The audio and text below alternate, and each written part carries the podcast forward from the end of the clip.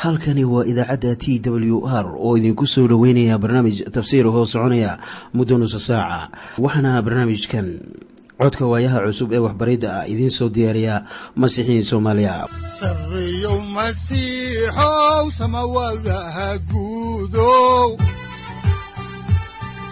siraadkii adduunkow subanaha eebow sareyow masiixow samawadaha guudow siraadkii adduunkow subanaha eebow adigoo samaada jiro ifkan soo saldhiganba adigoo samaada jiro ifkan soo saldhiganba kutubtiisanaye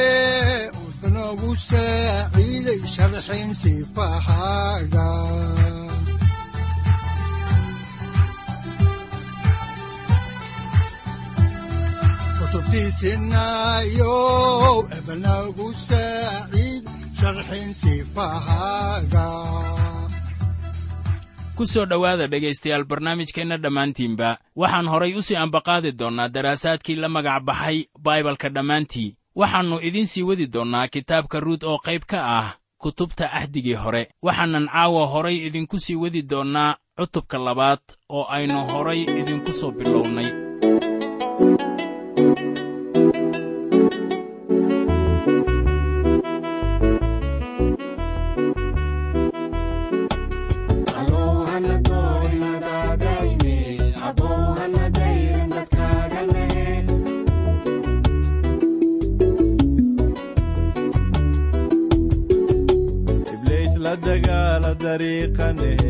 abow hana dayrin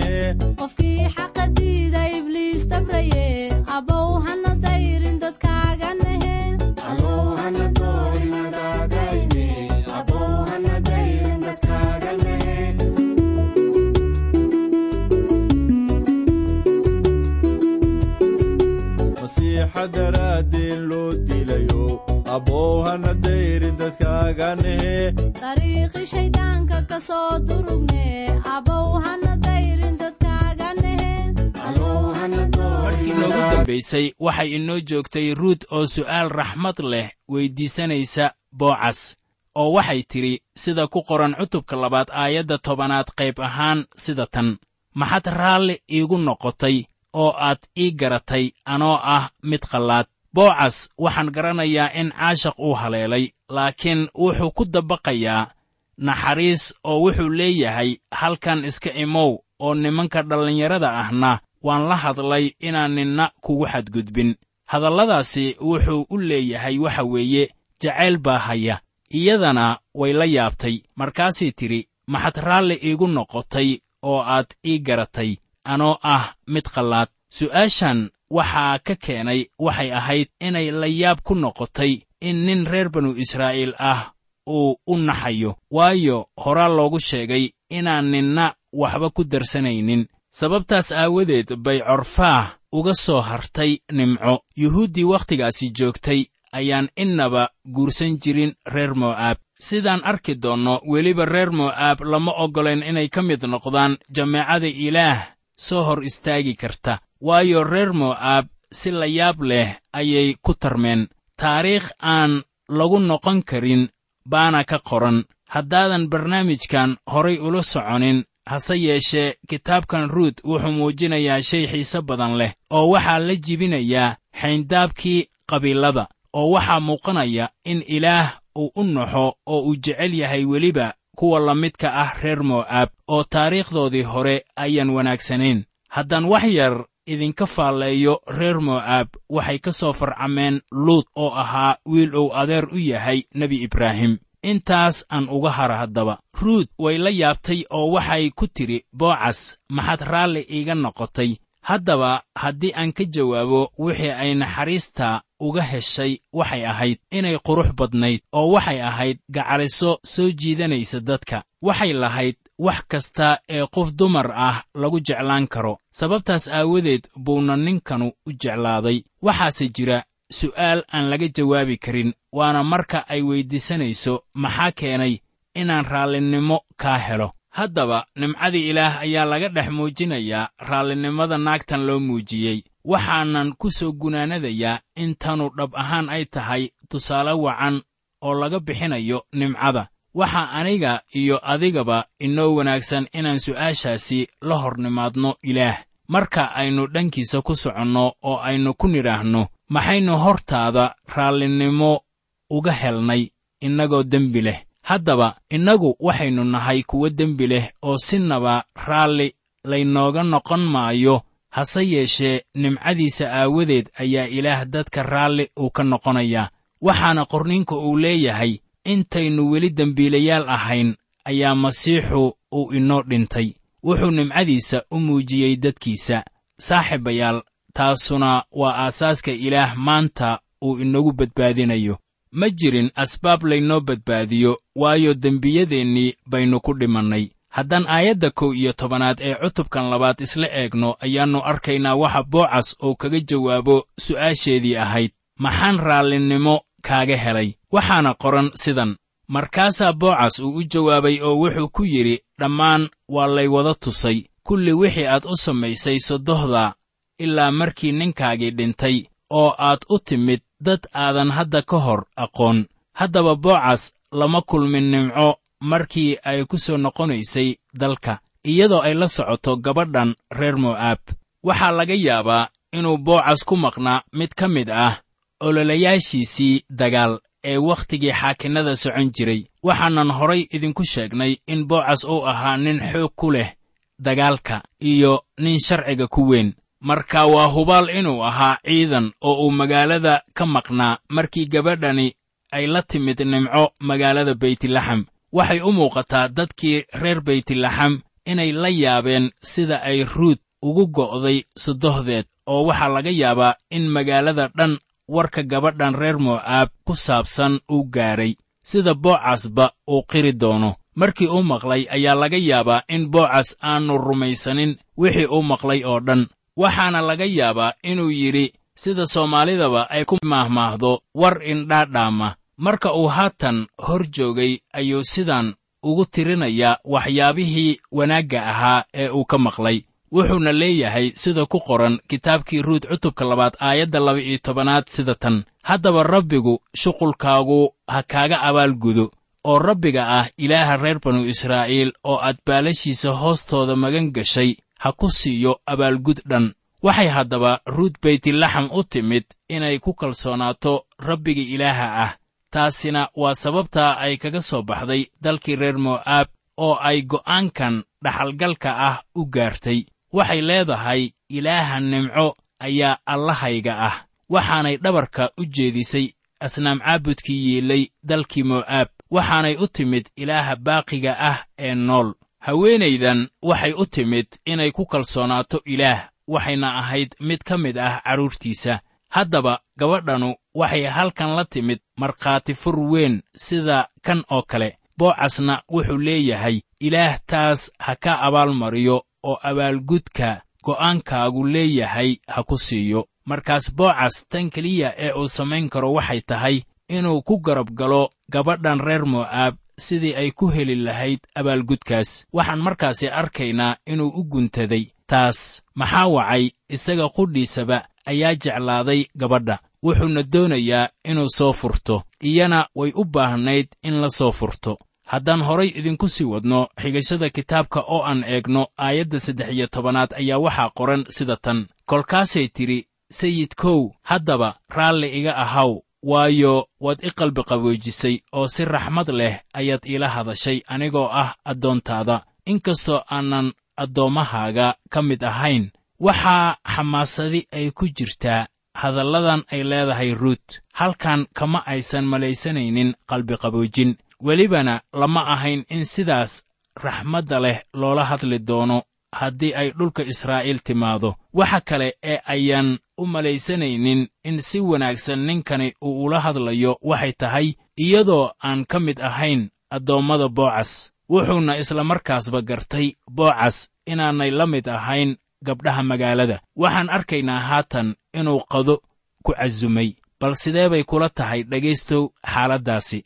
Waxay nala noqonaysaa in dadkii maalmahaasi noolaa ay ilbaxnimadoodu liidatay bilxaqiiqa ilbaxnimada tiknolojiyada ma ayan lahayn laakiin waxaad ka fakartaa inuu la kulmay afartii saac maalintaasi oo uu maalintii kalena ku casumay qado. Haddaba habka uu ula macaamiloonayo gabadhan uu jecel yahay ma ahan mid dambeeya. Haddaan horay idinku sii wadno xigashada kitaabka oo aan eegno kitaabkii ruud cutubka labaad aayadda afar iyo tobanaad waxaa qoran sida tan oo wakhtigii qadada ayaa boocas wuxuu ku yidhi kaalay halkan oo kibista wax ka cun oo cuntadaada ku qoyso qalkan oo waxay dhinac fadhiisatay kuwii beerta goynayey oo waxay siiyeen haruur la saloolay oo way cuntay wayna dheregtay wax bayna hambaysay. Waxaan mar kale idiin weydinayaa miyaa boocas dan uu ka leeyahay iyada. Waxaan idinku leeyahay jacayl baa qaaday wuxuuna doonayaa inuu dadaal walba u galo haatan sidii ay ku noqon lahayd xaaskiisa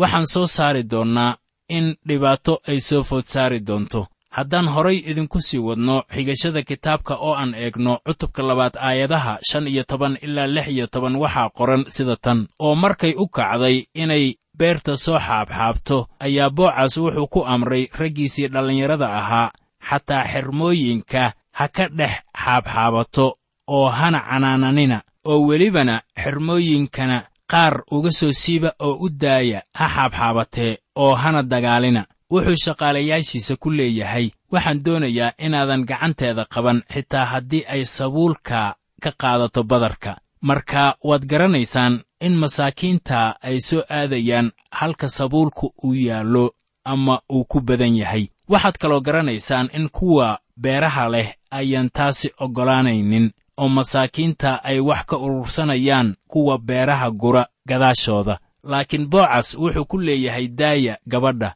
oo wax ha ka urursato xitaa meelaha aydnaan weli bilaabin inaad sabuulka ka jartaan. Waxaa kaloo uu ku yidhi haddii sabuulka qaar uu idinka dhaco xitaa ha soo qaadina ee u daaya masaakiinta ruud ay ka mid tahay ha urursadeene. Weliba tillaabo kale ayuu horay u qaaday oo wuxuu yidhi markii aad aragtaan iyadoo gadaashiinna wax ka xaabxaabanaysa sabuul badan u daadiya ha urursatee haddaan horay idinku sii wadno dhegaystayaal kitaabka ayaa waxaa ku qoran kitaabkii ruud cutubka labaad aayadda toddoba iyo tobanaad sida tan sidaas daraaddeed waxay beertii xaabxaabaysay ilaa fiidkii oo way tuntay wixii ay soo xaabxaabatay oo waxay u noqotay in ku dhow eefaah shiciir ah. Haddaba eefaah waxaa lagu qiyaasi karaa ilaa iyo hal jirikaan qiimihiisana wuxuu ahaa mushaaradda maalintii ay ku shaqeeyaan kuwa beeraha goosta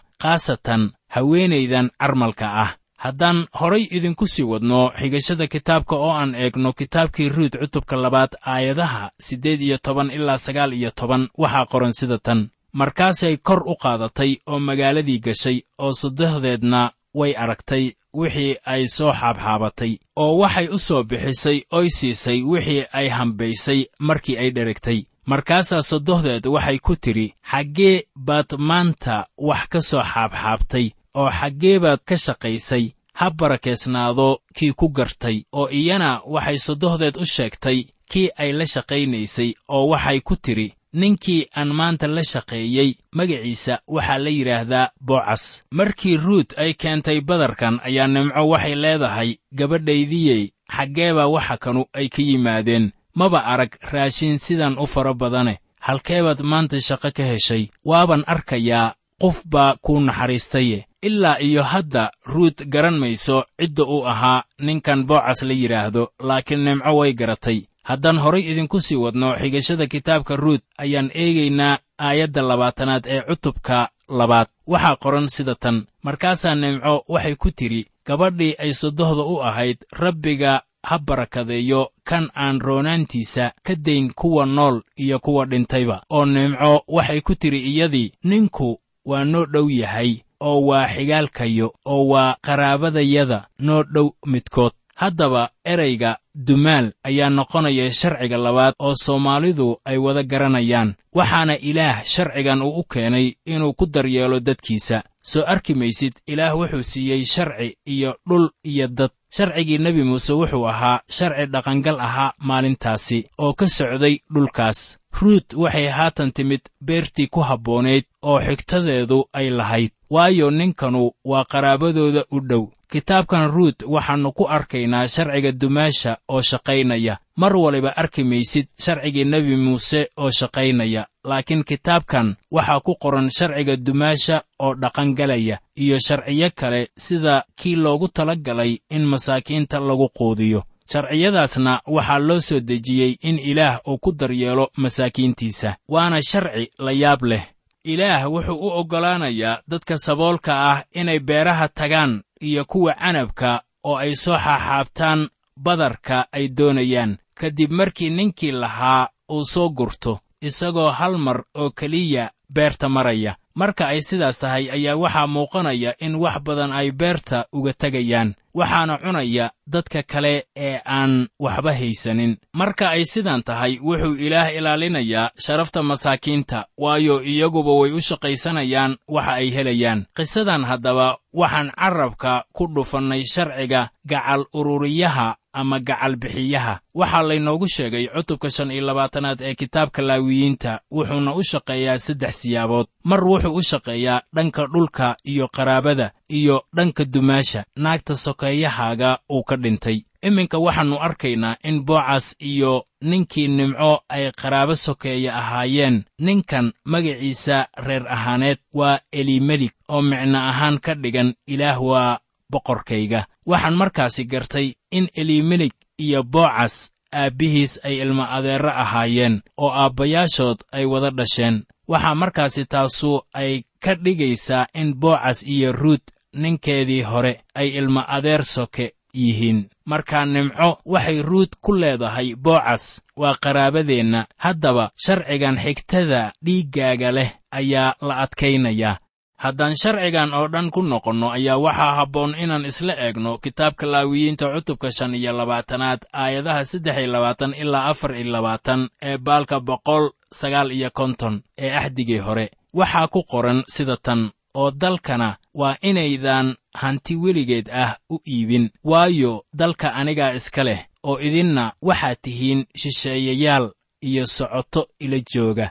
Oo dalka aad hantida u leedihiin oo dhan waxaad dhulka uga oggolaataan furasho. Sidee baa furashada ilaah uu ka hadlayo loo fasiran karaa? Sidan bay noqonaysaa haddaba. Ku qoran aayadda xigta ee cutubkan shan iyo labaatanaad ee kitaabka laawiyiinta waxaanay aayadda shan iyo labaatanaadi leedahay oo haddii walaalka miskiin uu noqdo oo uu hantidiisa qaar iibiyo markaas xigaalkiisa ugu dhow ha yimaado oo ha u furto wixii walaalkiis uu iibiyey sharcigan weeye kan qaraabada lagu furto. Waxaana la yidhaahdaa sharciga qaanka furashada xigaalkaaga. Haddaba aynu eegno waxa keenaya in sharciganu uu shaqeeyo. Markii reer banu israa'iil ay dhulka soo galeen ilaah baa iyaga siiyey dhulkii uu u ballanqaaday oo iyagaa lahaanaya. Waxayse dhulkan ku degganaanayaan iyagoo daacad u ahaada ilaah. Haddii ay daacaddarro la yimaadaan ilaah dhulka wuu ka saarayaa wuxuuna ku leeyahay dhulka anigaa iska leh waxaanan idin siiyey dhaxal weligiis ah. Haddaba weli lagama qaadin subarloogadii guriga ama warqaddii aqoonsiga ee dhulkooda. Qoys walibana waxaa dhul laga siiyey qabiilkiisa halka uu deggan yahay mana ahan inuu dhulkiisa iska bixiyo. Laakiin kaba soo qaad inuu fakhri noqdo iyadoo ay ugu wacan tahay abaar dhulka ka dhacday markaana uu goosto inuu dhulkii iibiyo. Waxaa markaasi laga yaabaa in kan ay deriska yihiin u eego dhulka deriskiisa uu iibinayo oo uu ka iibsado. Waxaa qofkaasi loo oggol yahay inuu haddaba dhulkaasi lahaado. Waa kan iibsanaya eh ilaa iyo konton sannadood. Markii konton sannadood la gaaro oo alaaba noqonaysa toddoba sannad sabtiyeed oo ah afartan iyo sagaal sannadood waxaa sannada kontonaad loo dabaaldegayaa konton guuro.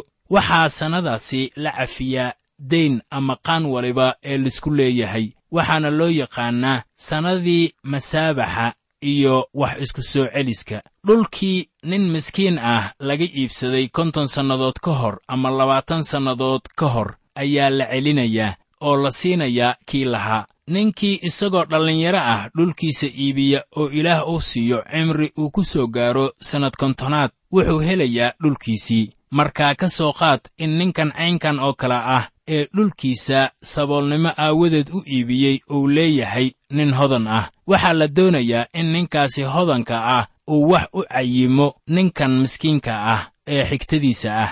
Waayo waa sharciga furashada sokeeyaha. Waxa taasi dhigaya. Waxaa kaloo sharcigaasi u quseeyaa dadka sidaan ku arkayno kitaabka laawiyiinta cutubka shan iyo labaatanaad aayadaha afartan iyo toddoba ilaa afartan iyo siddeed. Waxaana qoran sida tan oo haddii shisheeye ama socoto kula joogo uu taajir noqdo oo walaalkana uu agtiisa miskiin ku noqdo oo uu markaasi iska iibiyo shisheeyaha ama socotada kula jooga amase shisheeyaha qowladdiisii markii la iibiyo dabadeed waa la soo furan karaa. Walaalihiis mid ka mid ahu waa soo furan karaa. Haddaba ninkan la soo furanayo ayaa laga yaabaa inuu xaalad xun soo gelayo ma ahan keliya inuu lumiyey hantidiisii laakiin waxaa laga yaabaa in abaarta aawadeed ay carruurtiisii baahdeen. Markaasaa laga yaabaa inuu isaga iyo carruurtiisaba ay addoonnimo isku iibiyaan. Qofkaas is iibiyey wuxuu addoon ahaanayaa ilaa laga gaaro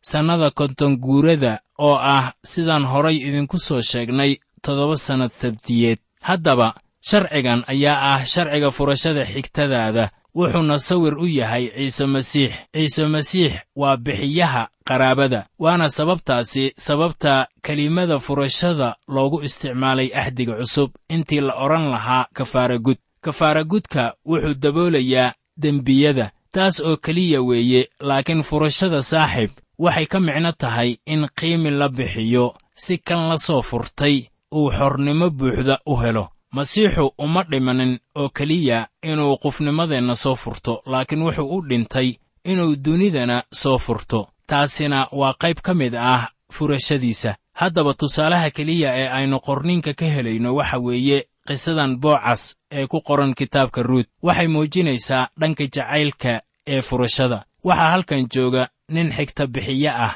laakiin qaab kale ayuu wax u samaynayaa. Waxaa kaloo jira qaraabo kale oo ka sokeeyey boocas oo waxay ahayd inuu reerkan baaba'ay wax u qabto laakiin wuu diiday. Wax daryeel ah ma uusan u muujinin ruut laakiin sidaad arkayso boocas wuu jeclaa iyada taasina waxay keenaysaa farqiga u dhexeeya isaga iyo kii kale ee ahaa reerkii elimelik haddaannu ilaah inaga soo furanin dembiyadeenna ayaynu ku lumi lahayn. Laakiin ilaah wuu ina jecel yahay. Haddaba sidaad arkayso nabaaddiinnada furashada ku timaada waa mid jacayl ku laran yahay. Waxaana qisadaasi laynoogu sheegayaa halkan iyadoo si fudud loo qoray oo lagu sharaxayo qisadan gabadha yar ee reer mo'aab ah iyo boocas oo reer banu israa'iil ah dhex martay. Haddaba haddaan horay idinku sii wadno xigashada kitaabkii ruut cutubka labaad aayadaha kow iyo labaatan ilaa saddex iyo labaatan waxaa qoran sida tan. Markaasaa ruut tii reer mo'aab waxay tidhi oo weliba wuxuu igu yidhi waa inaad la joogtaa raggayga dhallinyarada ah ilaa ay dhammeeyaan beertayda ay goynayaan. Markaasay nimco waxay ku tidhi gabadhii ruut oo ay sodohda u ahayd gabadhaydiyey waa wanaagsan tahay inaad gabdhihiisa raacdid oo aan lagugula kulmin beer kaleeto. Sidaas daraaddeed waxay la sii joogtay gabdhihii boocas inay xaabxaabato beerta ilaa goyntii shaciirka iyo goyntii sarreenkuba ay dhammaadeen oo waxayna la degganayd sodohdeed waxay haddaba la joogtay ilaa iyo lix toddobaad. Lixdan toddobaad ee ay la joogtay ayaa boocas waxaa ku fiday jaceylkii uu u qabay gabadha. Waxaana la odhan karaa boocas iminka waxaa soo riday caashakh umana adkaysan karo fallaaraha ruut ay ku soo ganayso haatan iyo wixii ka dambeeya. Waxaan is leeyahay sariir buuba koray. Magaaladii baytlaxamna waxay bilowday inay hadallo isla dhex xulaan iyagoo leh doobkii bocas ahaa caashaq buu la ildaran yahay. Haddaba waa wax la yaab leh in la lahaado badbaadiye ina jecel innaga oo dhulkan yimid kun iyo sagaal boqol oo sannadood ka hor si uu inoo badbaadiyo. Waxaan filayaa intaasu ay tahay qiso la yaab leh oo macaani weyni uu ku ladhan yahay. Caawana intaasi ayaan ku soo ekaynaynaa cashirkeenna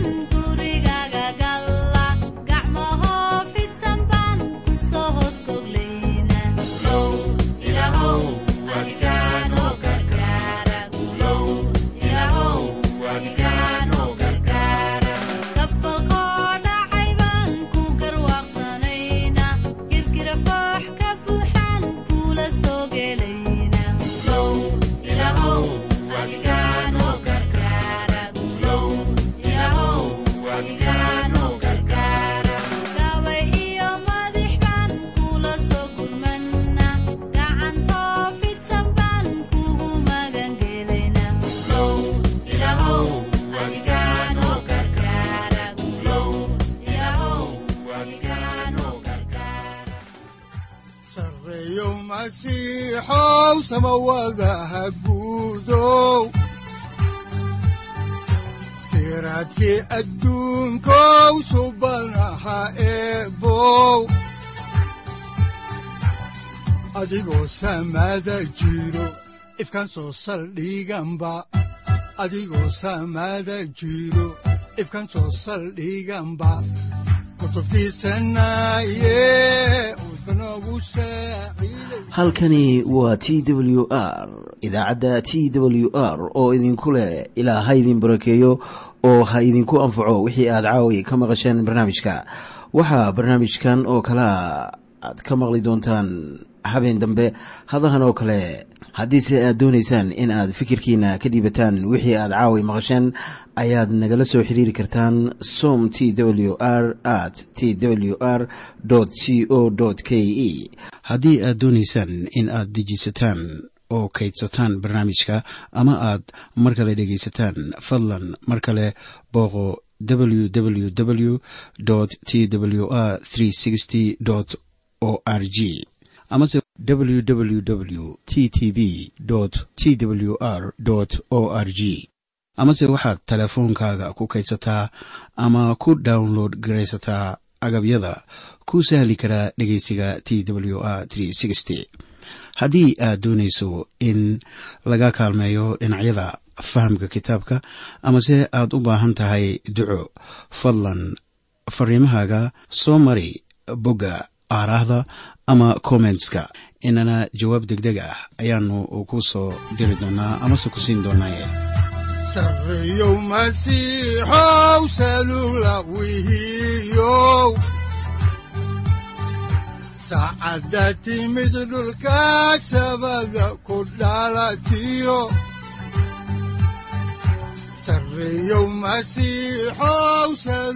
halkani waa t w r oo idiin rajaynaya habeen baraare iyo barwaaqaba leh. Inta aynu ka gaari doono wakhti aynu ku kulanno barnaamij la mida kan caawayay aad maqasheen. Waxa aan idinku leeyahay nabadda ciise masiix ha idinku badato xagga jidhka iyo ruuxaba. Aamiin